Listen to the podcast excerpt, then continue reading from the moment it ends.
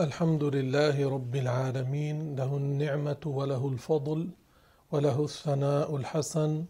صلوات الله البر الرحيم والملائكة المقربين على سيدنا محمد أشرف المرسلين وحبيب رب العالمين وعلى آله وأصحابه الطيبين الطاهرين وبعد. أذكركم أن تخلص النية لله تبارك وتعالى في الاستماع إلى علم الدين. قال المؤلف رحمه الله البعث. البعث حق أي شيء ثابت محقق.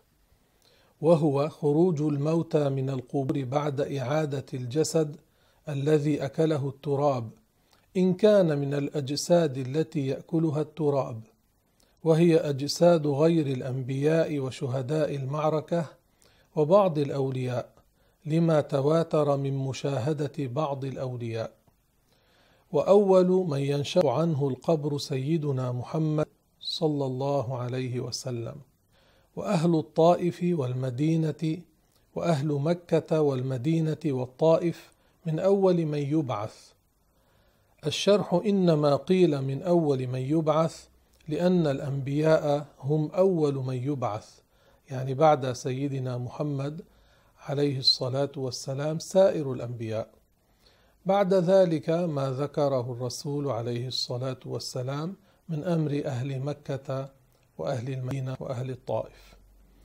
والدليل على أن البعث حق قوله تعالى ثم إنكم يوم القيامة تبعثون وغير ذلك من النصوص القاطعة بحشر الأجساد.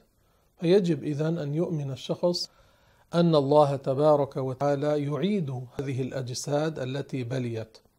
والأجساد التي لم تبلى كأجساد الأنبياء وشهداء المعركة وبعض الأولياء هذه كما هي تبقى ثم يبعثون يعني يخرجون من القبور. القبور تنشق ثم يخرج منها هؤلاء الناس وهناك بعد ذلك الحشر. الحشر والحشر حق. وهو أن يجمعوا بعد البعث إلى مكان ويكون على الأرض المبدلة. هذه الأرض تبدل صفاتها وهي أرض مستوية كالجلد المشدود يعني تكون مستوية هكذا كالجلد الذي شد. لا جبال فيها ولا وديان ليس فيها جبل ولا شجر ولا وادي. أكبر وأوسع من أرضنا هذه توسع. هذه الأرض التي نحن عليها قلنا تبدل صفاتها وتسع. بيضاء كالفضة أي من حيث اللون هي بيضاء كالفضة. الشرح بر الشام هي أرض المحشر والمنشر. يحشر يوم القيامة إليها العباد. وأم بر الشام فلسطين. فهي الأصل لأن الأنبياء أكثرهم كانوا في فلسطين. يكون الحشر على ثلاثة أحوال. قسم طاعمون كاسون راكبون. قسم يكونون طاعمين. كاسين عليهم الثياب وليس بهم جوع. راكبون على نوق رحائلها من ذهب وهم الأتقياء. الله تعالى يجعلنا منهم. وقسم حفاة عراة وهم المسلمون من أهل الكبائر.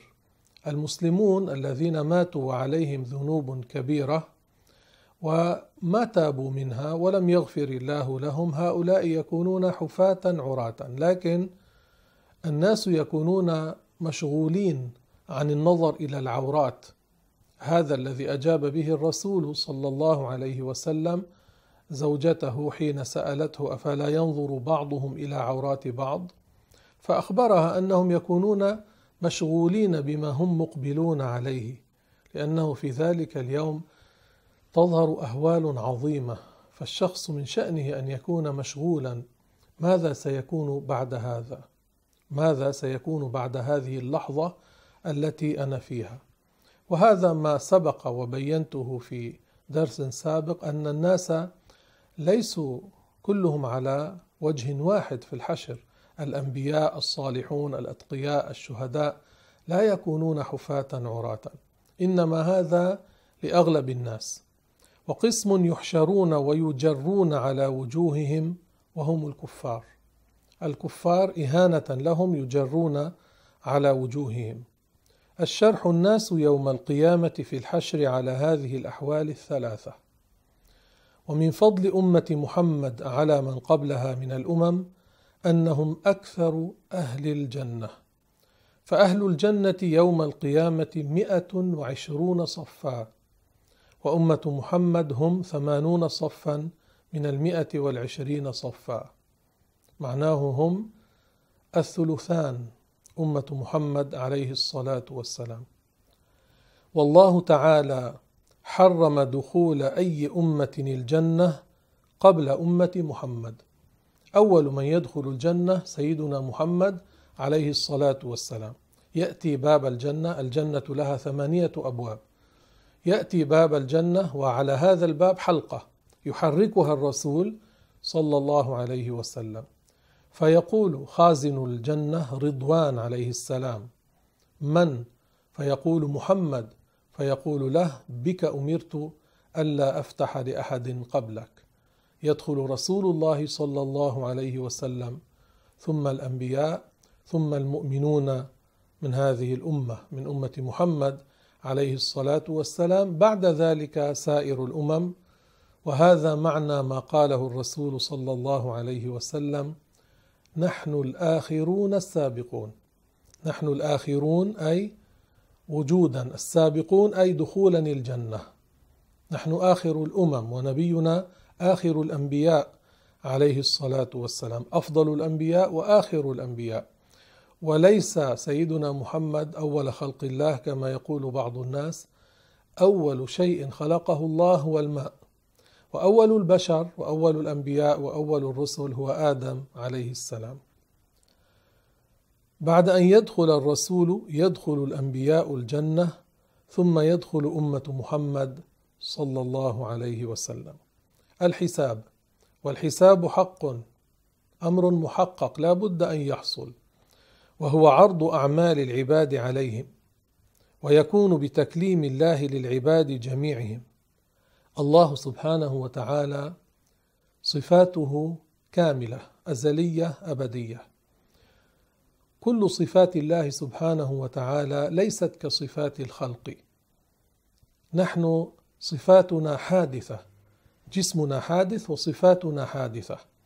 نحن نتغير نحن نسمع بالآلة ونرى بالآلة ونتكلم بالآلة من مخارج الحروف. نحن كلامنا لغة نحن الآن نتكلم بالعربية وصوت وحروف متعاقبة. هذا الشيء حادث. اللغة العربية مخلوقة والسريانية والعبرانية كل اللغات مخلوقة. الله تعالى صفته أزلية أبدية فكلامه ليس ككلام العالمين ليس لغة ليس حرفا ليس صوتا ليس شيئا متقطعا ليس شيئا مبتدا ومختتما. كلامنا لغة كلمات مركبة من الحروف المتعاقبة. يحدث فينا هذا الكلام نحن نتكلم بكلام حادث. أنا حين أقول بسم الله الرحمن الرحيم بدأت بالباء وختمت بالميم.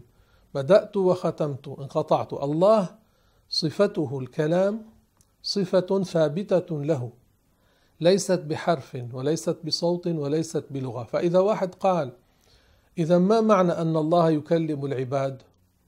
الرسول صلى الله عليه وسلم قال: ما منكم من أحد إلا سيكلمه ربه يوم القيامة ليس بينه وبينه ترجمان ولا حاجب.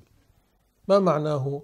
في يوم القيامة في موقف السؤال الله تعالى يزيل عن أسماعنا عن أسماع الخلق الحجاب المعنوي المانع من سماع كلامه فيسمع الخلق كلام الله الذي ليس بحرف ولا صوت ولا لغة ليس ككلام العالمين فيفهمون منه السؤال عن أعمالهم ونياتهم وأقوالهم. هذا معنى أن الله يحاسب العباد بنفسه أن الله يسأل عباده بنفسه. وهذا معنى قول الله تعالى عن نفسه سريع الحساب. ثم ردوا إلى الله مولاهم الحق. ألا له الحكم وهو أسرع الحاسبين. الله يقول أنا أسرع من كل حاسب. لو كان كلامه سؤاله بالحرف والصوت واللغة لكان أبطأ الحاسبين. وهو يقول سبحانه وتعالى عن نفسه أسرع الحاسبين. معناه كلامه ليس حرفا وليس صوتا وليس لغة. هذا معنى يحاسب الله العباد بنفسه. هذا معنى العباد يسمعون كلام الله تعالى في الآخرة فيفهمون منه السؤال عن أعمالهم عن نياتهم عن أقوالهم. فإذا واحد قال لك يا أخي القرآن باللغة العربية وهو كلام الله والإنجيل الأصلي الذي أنزل على عيسى باللغة السريانيه وهو كلام الله والتوراة التي أنزلت على موسى عليه السلام باللغة العبرانية وهذا كلام الله. فالجواب أن كلام الله له إطلاقان يطلق ويراد به اللفظ المنزل. سيدنا جبريل عليه السلام أخذ هذه الكتب من اللوح المحفوظ. هو نزل بالقرآن الكريم في ليلة القدر في رمضان دفعة واحدة إلى بيت العزة في السماء الدنيا. ثم صار ينزل بالقرآن على رسول الله محمد صلى الله عليه وسلم على حسب الأوامر. فهذا القرآن العظيم ليس من تأليف جبريل ولا من تأليف سيدنا محمد. الله أمر جبريل أخذه من اللوح المحفوظ وخلق الله صوتا بحروف القرآن سمعها جبريل عليه السلام ثم هو صار يقرأ على رسول الله صلى الله عليه وسلم والرسول صار يقرأ على الصحابة. فلا نقول الله يقرأ على سيدنا محمد كما يقرأ الأستاذ على التلميذ لا. فإذا قرأناه فاتبع قرآنه يعني فإذا قرأه جبريل عليك بأمرنا فاتبع قراءته يا محمد لأن الذي أمر جبريل هو الله. فلذلك جاء في الآية فإذا قرأناه فاتبع قرآنه. أي فإذا قرأه جبريل عليك يا محمد بأمرنا فاتبع قرآنه يعني فاتبع قراءته. فهذا إطلاق يطلق على هذا اللفظ كلام الله لأنه ليس من تصنيف ملك وليس من تأليف بشر. ويطلق كلام الله ويراد به الصفة القائمة بذات الله أي الثابتة لله الذي هو ليس بحرف ولا صوت ولا لغة. فهذا لا شك أزلي أبدي. ليس بمبتدأ ولا مختتم موجود دائما. أما اللفظ المنزل الذي نكتبه على الأوراق بالحبر نحفظه في الصدور نتلفظ به بلساننا لا شك أنه حادث لا شك أنه مخلوق. لكن لا يطلق القول كلام الله مخلوق حتى لا يتوهم أن الصفة القائمة بذات الله حادثة. لذلك الإمام أحمد رضي الله عنه امتنع من القول بخلق القرآن حتى لا يتوهم متوهم أن صفة الله حادثة فامتنع من ذلك وعذب لأنه لم يرضى أن يقول القرآن مخلوق لكن عند التعليم عند البيان والتفصيل نقول كما قلت الآن كما بينت الآن. فإذا كلام الله الذي هو صفة ذاته ليس بحرف ولا صوت ولا لغة وليس بمبتدأ ولا مختتم. وجبريل عليه السلام هو يسمع كلام الله الذي ليس بحرف ولا صوت ولا لغة ويفهم منه قل لمحمد كذا قل لموسى كذا قل لعيسى كذا. وفي وفيما حصل لسيدنا موسى عليه السلام حين ذهب لميقات ربه الله سبحانه وتعالى أزال عن سمعه الحجاب المعنوي المانع من سماع كلامه فسمع موسى كلام الله الذي ليس بحرف ولا صوت ولا لغة وفهم منه ما فهم. فيفهمون من كلام الله السؤال عما فعلوا بالنعم التي أعطاهم الله إياها. ألم أعطك كذا؟ ألم أروك من الماء البارد؟ فيسر المؤمن التقي الله يجعلنا منهم ولا يسر الكافر لأنه لا حسنة له في الآخرة. بل يكاد يغشاه الموت لكن هناك لا موت. فقد ورد في الحديث الصحيح ما منكم من أحد إلا سيكلمه ربه يوم القيامة. ليس بينه وبينه ترجمان. رواه أحمد والترمذي. ما معنى سيكلمه ربه؟ يزيل عن سمعه الحجاب المعنوي المانع من سماع كلامه فيسمع العباد كلام الله الذي ليس بحرف ولا صوت ولا لغة فيفهمون منه السؤال. الشرح الناس يوم القيامة تعرض عليهم أعمالهم. كل معه كتابه. كل معه كتابه الذي كتب فيه ما عمل. ويسمعون كلام الله الأزلي الذي لا يشبه كلام العالمين كما قال أبو حنيفة. وأبو حنيفة من السلف الصالح لأن بعض أدعياء السلفية يقولون الله يتكلم بلغة وحرف وصوت ويقولون الله له شفتان. والإمام الطحاوي السلفي قال ومن وصف الله بمعنى من معاني البشر فقد كفر فهذه عقيدة فاسدة. أبو حنيفة النعمان بن ثابت رضي الله عنه ولد سنة ثمانين للهجرة وتوفي سنة مئة وخمسين فهو من رؤوس السلف الصالح التقى ببعض أصحاب النبي صلى الله عليه وسلم. قال الله يتكلم بلا آلة ولا حرف. الآلة هي مخرج الحرف. فالكفار لما يسمعون كلام الله يغلب عليهم الخوف والانزعاج والخجل والتضايق والقلق. وأما عصاة المسلمين فيكونون على حالين. قسم منهم يصيبهم خوف وانزعاج وقسم لا يصيبهم ذلك. اللهم نجنا. الميزان. والميزان حق وهو كميزان الدنيا له قصبة وعمود وكفتان كفة للحسنات وكفة للسيئات توزن به الأعمال يوم القيامة.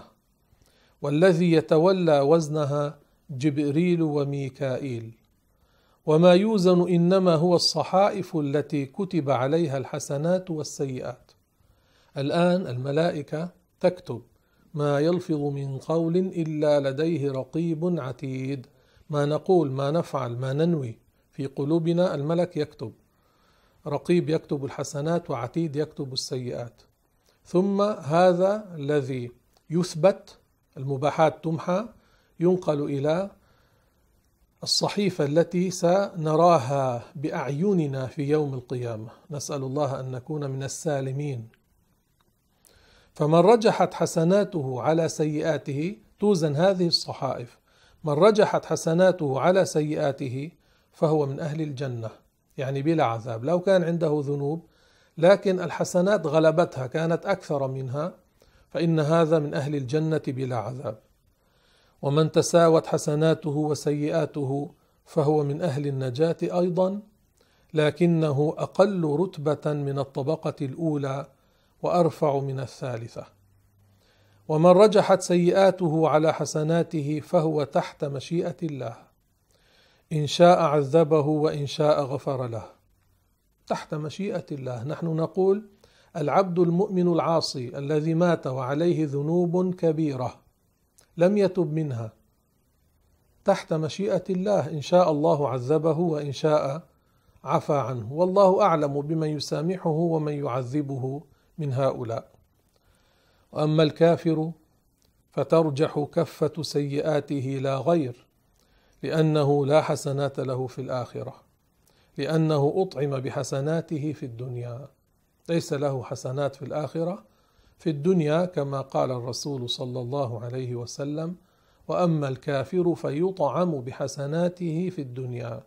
أليس يعيش ويأكل ويشرب ويتنفس وله صحة ويتنقل ويفعل ويفعل ويفعل هذا جزاؤه على ما فعل في الدنيا. أما في الآخرة ليس له منها نصيب.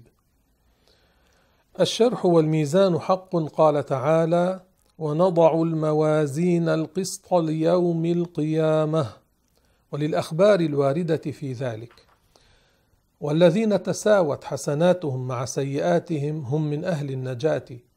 لكن هؤلاء يؤخرون برهة عن دخول الجنة ثم يدخلون يكونون على الأعراف على أعلى سور الجنة. هؤلاء هم أهل الأعراف. هؤلاء هم أهل الأعراف الذين تساوت حسناتهم مع سيئاتهم. الجنة لها سور يحيط بها وسورها عريض واسع. الله يرزقنا الجنة. الثواب والعقاب. الثواب عند أهل الحق ليس بحق للطائعين واجب على الله. أي معنى, معنى ذلك أنه لا يجب على الله. الله يثيب العبد على الحسنة بفضل منه ليس واجبا عليه. حين نقول وكان حقا علينا نصر المؤمنين معناه الله وعد بذلك ووعد الله متحقق ليس معناه يجب على الله. الله خلقنا وخلق أعمالنا ولولا توفيق الله ما استطعنا أن نعمل حسنة. بتوفيق الله نحن نعمل الحسنات. لذلك نقول الفضل لله. فإن أثابنا على ما فعلناه بفضل منه فهو فضل منه. كرم من الله سبحانه وتعالى ليس واجبا عليه. نقول إن عاقبنا على معصية حصلت منا بتخليق الله بخلق الله سبحانه وتعالى فبعدل منه ليس ظلما من الله. لا يقال الله إذا كان خالقا للمعصية وقد شاء حصولها من العبد وقدر حصولها من العبد وعاقبه عليها يكون ظالما أعوذ بالله هذا ضلال. الله مالك كل شيء يتصرف في ملكه كما يشاء. لا يسأل عما يفعل وهم يسألون. لذلك قال الرسول صلى الله عليه وسلم احفظوا هذا الحديث الذي رواه أحمد وغيره. إن الله لو عذب أهل أرضه وسماواته لعذبهم وهو غير ظالم لهم. لماذا؟ لأن الله هو خلق هؤلاء العباد. هو خلقهم هو مالكهم هو يتصرف بهم كما يشاء. سبحانه وتعالى. فلو عذبهم الرسول يقول لو عذب أهل الأرض والسماء من هم أهل السماء؟ الملائكة الذين هم طائعون لله. ومن في أهل الأرض؟ الأنبياء والصالحون والشهداء والأطفال. الرسول يقول إن الله لو عذب أهل أرضه وسماواته لعذبهم وهو غير ظالم لهم. لماذا؟ لأنهم ملكه وهو الآمر الذي لا آمر له. وهو الناهي الذي لا ناهي له وليس عليه محكومية لأحد. نحن يجب علينا أن نطيع الله. الله لا يجب عليه شيء. فإذا أثاب الطائع الذي أطاعه بتوفيقه سبحانه فهذا فضل من الله. وإن عاقب العاصي على معاصيه التي فعلها بتقدير الله وعلم الله ومشيئة الله فهذا عدل منه سبحانه وتعالى. وإنما هو فضل منه وهو الجزاء الذي يجزى به المؤمن مما يسره في الآخرة. هذا معنى الثواب. الجزاء الذي يجازاه المؤمن مما يسره في الآخرة من دخول الجنة وغير ذلك. والعقاب لا يجب على الله أيضا إيقاعه للعصاة لأن الله لا يجب عليه شيء. وإنما هو عدل منه. وهو يعني ما معنى العقاب؟ ما يسوء العبد يوم القيامة من دخول النار وما يحصل له قبل ذلك. وهو على قسمين أكبر وأصغر. فالعقاب الأكبر هو دخول النار أجارنا الله منها. والعقاب الأصغر ما سوى ذلك كأذى حر الشمس يوم القيامة فإنها تسلط على الكفار فيعرقون حتى يصل عرق أحدهم إلى فيه إلى فمه يعني. ولا يتجاوز عرق هذا الشخص إلى شخص آخر بل يقتصر عليه حتى يقول الكافر من شدة ما يقاسي منها رب أرحني ولو إلى النار. ويكون المؤمنون الأتقياء تلك الساعة تحت ظل العرش. وهذا معنى الحديث سبعة يظلهم الله في ظله يوم لا ظل إلا ظله أي في ظل عرشه. الله سبحانه وتعالى لا يوصف بالجسد هو خالق الأجساد ولا يوصف بالخيال لا يوصف بالظل سبحانه وتعالى لا يوصف بالانفعال لا يوصف بأن له صورة خالق الصور المصور سبحانه وتعالى. فما معنى يظلهم الله في ظله أي في ظل العرش؟ هذه إضافة تشريف أي في ظل العرش لأن العرش مشرف عند الله له منزلة عند الله. ففي ذلك اليوم حين يكون الناس على الأرض المبدلة التي سبق وقلت ليس فيها واد ليس فيها كهف ليس فيها شجرة ليس فيها جبل كالجلد المشدود. لا يوجد ما يستظل به الشخص إلا أن يكون في ظل العرش. فهؤلاء المحفوظون المتقون الصالحون يكونون في ذلك الوقت في تلك اللحظة في ظل العرش يوم لا ظل إلا ظله. الله يجعلنا من هؤلاء. الشرح هذا الحديث رواه البخاري وغيره وتمام الحديث سبعة يظلهم الله في ظله يوم لا ظل إلا ظله. إمام عادل وشاب نشأ في عبادة الله ورجل قلبه معلق في المساجد ورجلان تحابا في الله اجتمعا عليه وافترقا عليه. أي يحب أحدهم الآخر؟ لله تعالى ليس لأجل الدنيا. يحبه لتقوى الله لدينه يحبه. ورجل دعته امرأة ذات منصب وجمال فقال إني أخاف الله. ورجل تصدق بصدقة فأخفاها حتى لا تعلم شماله ما تنفق يمينه. يعني الشخص الذي يأتي بمال حلال ويتصدق به دون أن يطلع عليه الناس يخفي هذه الصدقة. لأنه لا يريد أن يكون مرائيا. يريد التقرب إلى الله. يريد أن يعمل هذا تقربا إلى الله. ورجل ذكر الله خاليا ففاضت عيناه. رجل كان في خلوة فذكر الله تعالى وخشع قلبه لله وبكى من خشية الله. الله يجعلنا من هؤلاء. ويلتحق بهم أناس آخرون ذكروا في أحاديث أخرى صحيحة.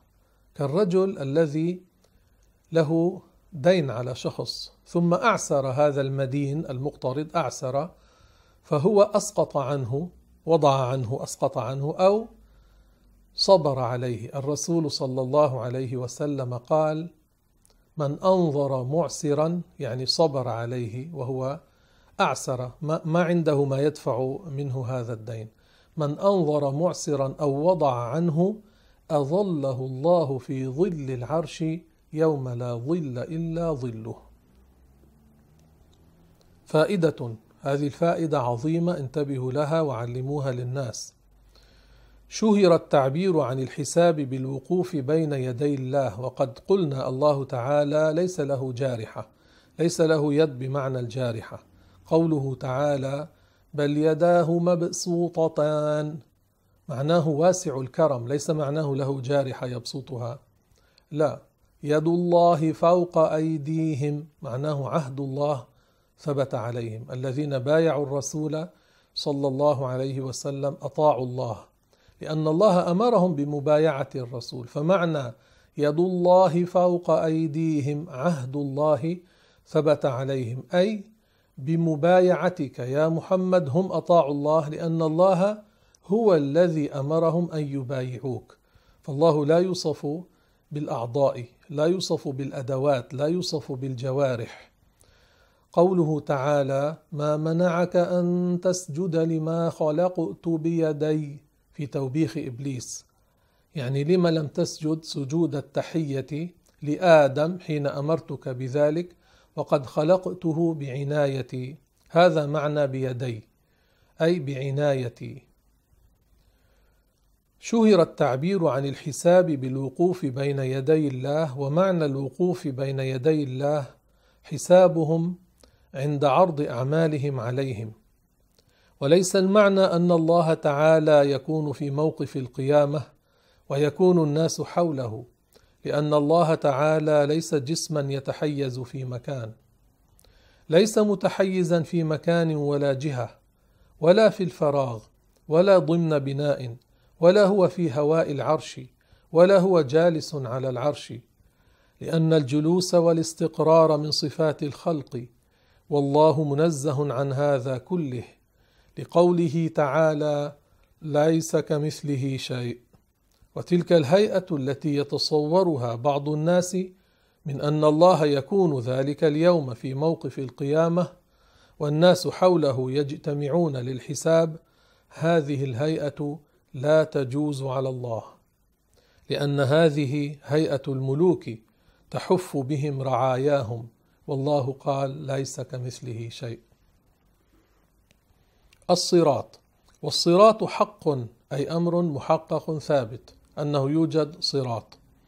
وهو جسر عريض ممدود على جهنم يعني هو فوق جهنم من الأرض المبدلة إلى الجنة. من نجاه الله يذهب إلى الجنة وتحته جهنم. من شاء الله له أن يعذب ينزل إلى جهنم أجارنا الله منها. ممدود على جهنم ترد عليه الخلائق فمنهم من يرده ورود دخول وهم الكفار. وبعض عصاة المسلمين أي يزلون منه إلى جهنم ومنهم من يرده ورود مرور في هوائه. فمن هؤلاء من يمر كالبرق الخاطف كالبرق الخاطف يمر. ومنهم من يمر كطرفة عين وهو محمول على ظاهره بغير تأويل يعني يكون مروره سريعا على حسب العمل يعني على حسب عمله. وأحد طرفيه في الأرض المبدلة والآخر فيما يلي الجنة. وقد ورد في صفته أنه دحض مزلة أخرجه مسلم. ومما ورد أنه أحد من السيف وأدق من الشعرة كما روى مسلم عن أبي سعيد الخدري بلغني أنه أدق من الشعرة وأحد من السيف ولم يرد مرفوعا إلى رسول الله وليس المراد ظاهره بل هو عريض وإنما المراد بذلك أن خطره عظيم فإن يسر الجواز عليه وعسره على قدر الطاعات والمعاصي ولا يعلم حدود ذلك إلا الله. فقد ورد في الصحيح أنه تجري بهم أعمالهم معناه أن أعمالهم تصير لهم قوة السير. الشرح معنى قوله دحض مزلة أي أملس تزل منه الأقدام إلا من حفظه الله. وأما الآية هنا انتبهوا هذا أمر مهم جدا حتى تعرفوا معنى ما جاء في هذه الآية. وإن منكم إلا واردها ليس معناه أن كل إنسان سيدخل جهنم؟ لا. الله تبارك وتعالى يحفظ الأنبياء والصالحين والأطفال من أن يدخلوا جهنم. لا يدخلون جهنم. هؤلاء من أهل الجنة بلا عذاب. وكذلك الصالحون الأولياء الأتقياء كل هؤلاء لا يدخلون النار. ما معنى وإن منكم إلا واردها؟ أي كلكم سيرد جهنم. يعني يمر فوقها. بعض الناس الذين شاء الله لهم العذاب الكفار سيسقطون في جهنم. وبعض عصاة المسلمين سيدخلون جهنم برهة من الزمن ثم يخرجون منها إلى الجنة. فهذا يسمى ورود العبور. بالنسبة للأنبياء والصالحين والشهداء. هذا يسمى ورود العبور يعني وردوها من فوقها من فوق جهنم يعني ولا يدخلون النار. ويوجد ورود دخول يرد الكافر ثم يدخل وبعض عصاة المسلمين يدخلون. فالأنبياء الصالحون الأولياء الأتقياء الشهداء الأطفال كل هؤلاء لا يدخلون جهنم. قال الله تعالى إن الذين سبقت لهم منا الحسنى أولئك عنها مبعدون لا يدخلون جهنم. فاعرفوا معنى الآية وعلموه غيركم. الرسول صلى الله عليه وسلم قال بلغوا عني ولو آية. وقال عليه الصلاة والسلام يا أبا ذر لأن تغدو فتتعلم آية من كتاب الله خير لك من أن تصلي مئة ركعة. إذا إنسان تعلم آية قراءتها ومعناها لوجه الله أفضل من أن يصلي مئة ركعة من النوافل من السنن. قال ولأن تغدو فتتعلم بابا من العلم خير لك من أن تصلي ألف ركعة يعني من النوافل. انظروا إلى فضل العلم عند الله.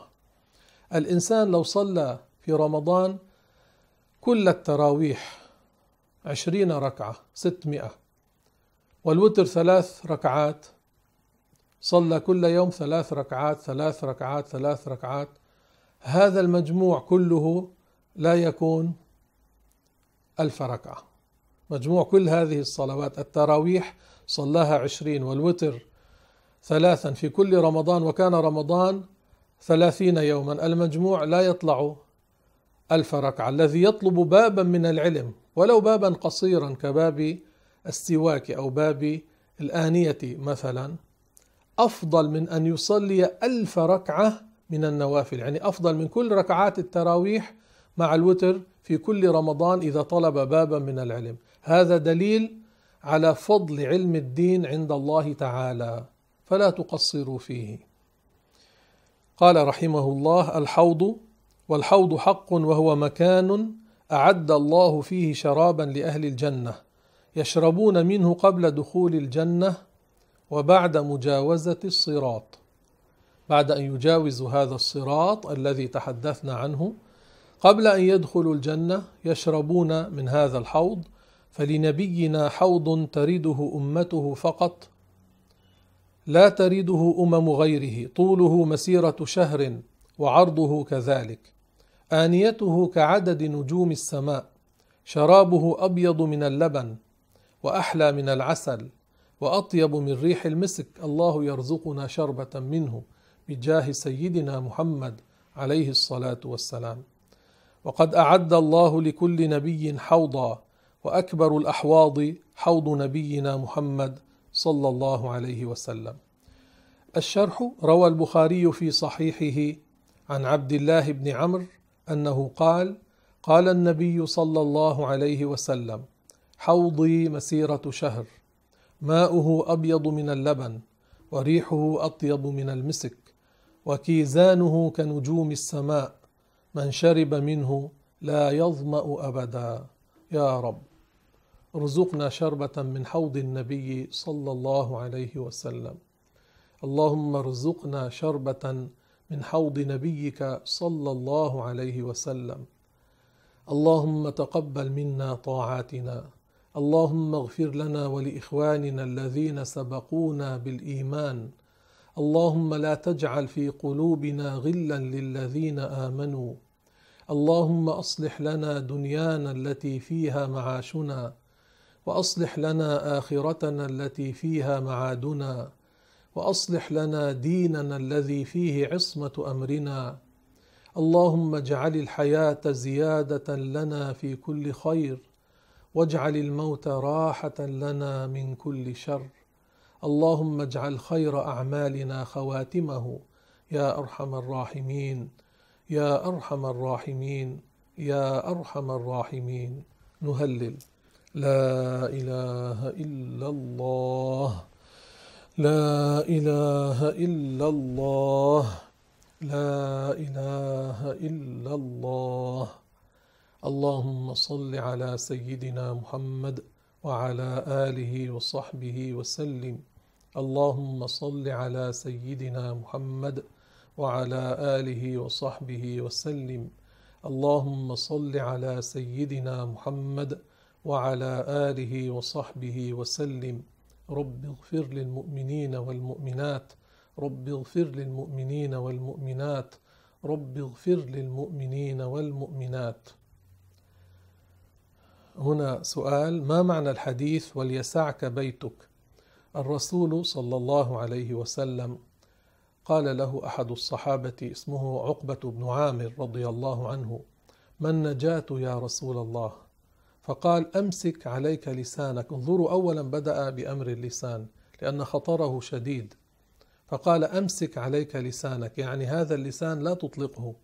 لا تتكلم في شيء لا خير لك فيه. وليسعك بيتك وابك على خطيئتك.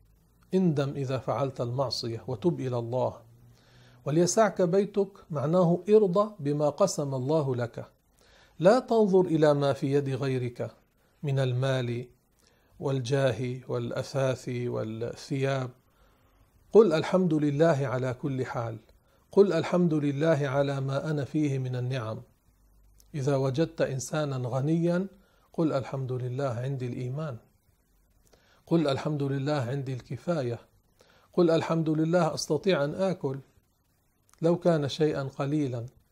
فالرسول عليه الصلاة والسلام يقول إذا نظر أحدكم إلى من هو فوقه في المال والخلق فلينظر إلى من هو دونه. ذلك أحرى ألا يزدري نعمة الله عليه. يعرف قدر النعمة. فدائما يا أحبابنا قولوا الحمد لله على كل حال. وإذا ابتليتم قولوا الحمد لله الذي دفع عني ما هو أعظم. واذكروا أن البلاء للمسلم إن صبر نعمة فإنه إن كان عاصيا تكفر ذنوبه وإن كان تقيا ترتفع درجته عند الله. لذلك قال الرسول صلى الله عليه وسلم عجبا لأمر المؤمن إن أمره كله له خير وليس ذلك لأحد إلا للمؤمن. إن أصابته ضراء صبر. إن أصابته ضراء صبر فكان خيرا له. وإن أصابته سراء شكر فكان خيرا له الشكر الواجب هو أن لا تستعين بنعمة الله على معصيته.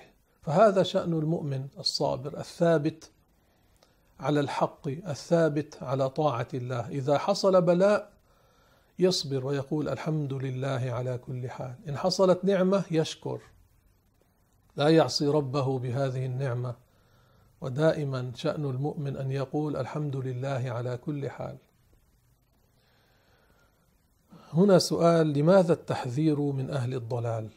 كثير من الناس يسألنا هذا. لماذا تتكلمون في الدروس عن فلان وعن فلان من أهل الضلال؟ وعن هذه الفرقة وعن هذه الفرقة. يا أحبابنا الجواب لأن هذا واجب شرعي. الشخص الذي يستطيع أن يحذر من أهل الضلال ويسكت ويل له ثم ويل له ثم ويل له. ذنبه كبير. لأنه مقصر. هذا واجب شرعي. الرسول صلى الله عليه وسلم معروفة القصة. لما وضع يده في الطعام في القمح يعني ووجد فيه بللا فقال لصاحب الطعام ما هذا يا صاحب الطعام؟ قال يا رسول الله أصابته السماء يعني المطر. فقال هلا جعلته فوق الطعام حتى يراه الناس من غشنا ليس منا. معناه من غشنا ليس على نهجنا ليس على طريقتنا. من غشنا عليه إثم. هذا في الطعام في القمح. فكيف الذي يغش الناس في أمر الدين؟ هذا أولى وأوجب أن يحذر منه. الشخص إذا كان من أهل الضلال ضرره على المسلمين عظيم. لأن ضرره أشد من ضرر الكافر المعلن. الكافر المعلن المسلم يحذره من شأنه عادة يعني يقول هذا كافر لا أخذ منه ديني يأخذ دينه من اليهود مثلا لا أو من المجوس. أما الذي هو يدعي الإسلام ويتزيى بزي أهل المشيخة يضع عمامه ويلبس جبة ويتصدر للفتوى والتدريس على وسائل التواصل ويطبع الكتب ويقول كلام ضلال كيف يسكت عنه؟ ورد عن رسول الله صلى الله عليه وسلم حتى متى ترعون عن ذكر الفاجر؟ اذكروه بما فيه حتى يحذره الناس. حتى يحذره الناس حتى يحذر الناس منه إن سكتنا الجهال قد يعتقدون صحة كلامه فيضلون في الكلام الذي هو ضلال والعياذ بالله. فيجب التحذير من أهل الضلال. لماذا الشافعي رضي الله عنه حين ناظر حفصا الفرد المعتزلي الذي كان ضالا يدعي الإسلام؟ قال له الشافعي أمام الحاضرين لقد كفرت بالله العظيم. لماذا؟ حتى يحذره الناس. لماذا لما دخل أحد أهل الضلال على أبي حنيفة ممن هو يدعي الإسلام؟ أبو حنيفة رضي الله عنه قال له اخرج عني يا كافر. حتى يحذره الناس. لماذا لما استدعى الخليفة هشام بن عبد الملك الأوزاعي رضي الله عنه وكان إمام عصره حتى يناظر المعتزلي غيلان الضال الذي يدعي الإسلام ويدرس باسم الدين وكان يعرف العربية الفصيحة؟ لما ناظره لما ناقشه وأقام عليه الحجة ووجده من أهل الضلال قال للخليفة هشام كافر ورب الكعبة يا أمير المؤمنين. حتى يفعل به ما يجب في الشريعة الإسلامية وحتى يحذره الناس وحتى يحذر الناس هذا الضلال الذي هو عليه هذا الاعتقاد الفاسد الذي هو عليه. لذلك يا أحبابنا نحذر من الضلال ومن أهله وهذا واجب شرعي. نحن ننصح إن لم يقبل النصيحة نحذر حتى يحذره الناس كما جاء عن الرسول صلى الله عليه وسلم. من هو الحلاج؟ الحلاج كان من أدعياء الصوفية ليس من الصوفية الصادقين.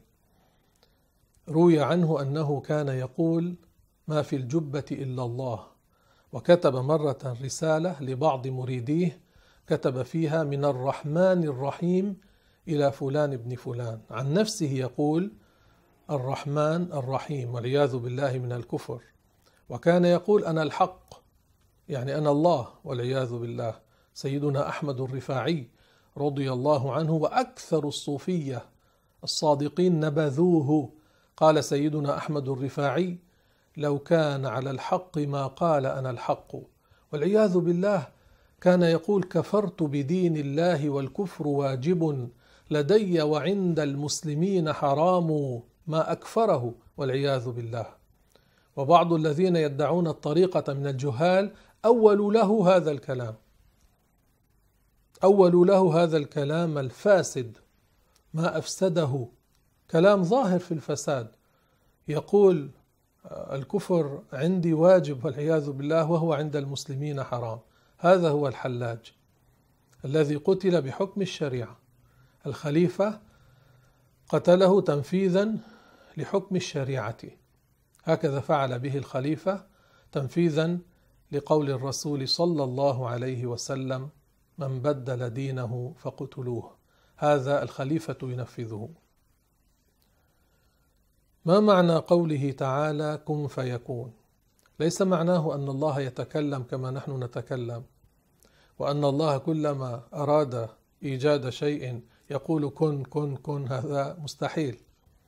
إنما معنى الآية سرعة الإيجاد وأن الله إذا أراد في الأزل وجود شيء وجد هذا الشيء في الوقت الذي أراد الله. لا أحد يستطيع أن يمنع ولا أحد يستطيع أن يؤخر ذلك. هذا معنى إنما أمره إذا أراد شيئا أن يقول له كن فيكون. إذا أراد الله في الأزل وجود شيء وجد في الوقت الذي أراد الله لا أحد يستطيع أن يمنع ذلك ولا أحد يستطيع أن يؤخر ذلك. هل كان النبي صلى الله عليه وسلم يقوم بالليل حتى تتورم قدماه؟ نعم. كان يقوم الرسول صلى الله عليه وسلم في صلاة الليل حتى تتورم قدماه معناه بلا أذى بلا ضرر. لأن حفظ النفس مما اتفقت عليه الشرائع. فالرسول ما كان يضر نفسه لا إنما يطيل القيام يصلي كثيرا. حتى قالت له زوجته لم هذا؟ وقد غفر الله لك ما تقدم من ذنبك وما تأخر. قال أفلا أحب أن أكون عبدا شكورا. يعني يفعل هذا شكرا لله تقربا إلى الله. فالرسول كان يقوم من الليل كثيرا تتورم قدماه بلا ضرر إذا مشى قليلا يذهب الورم. ليس إلى حد الضرر ليس إلى حد أن تتفسخ القدم وينزل منها الدم ويحصل ضرر. الرسول لا يفعل ذلك. صلى الله عليه وسلم. وآخر دعوانا أن الحمد لله رب العالمين.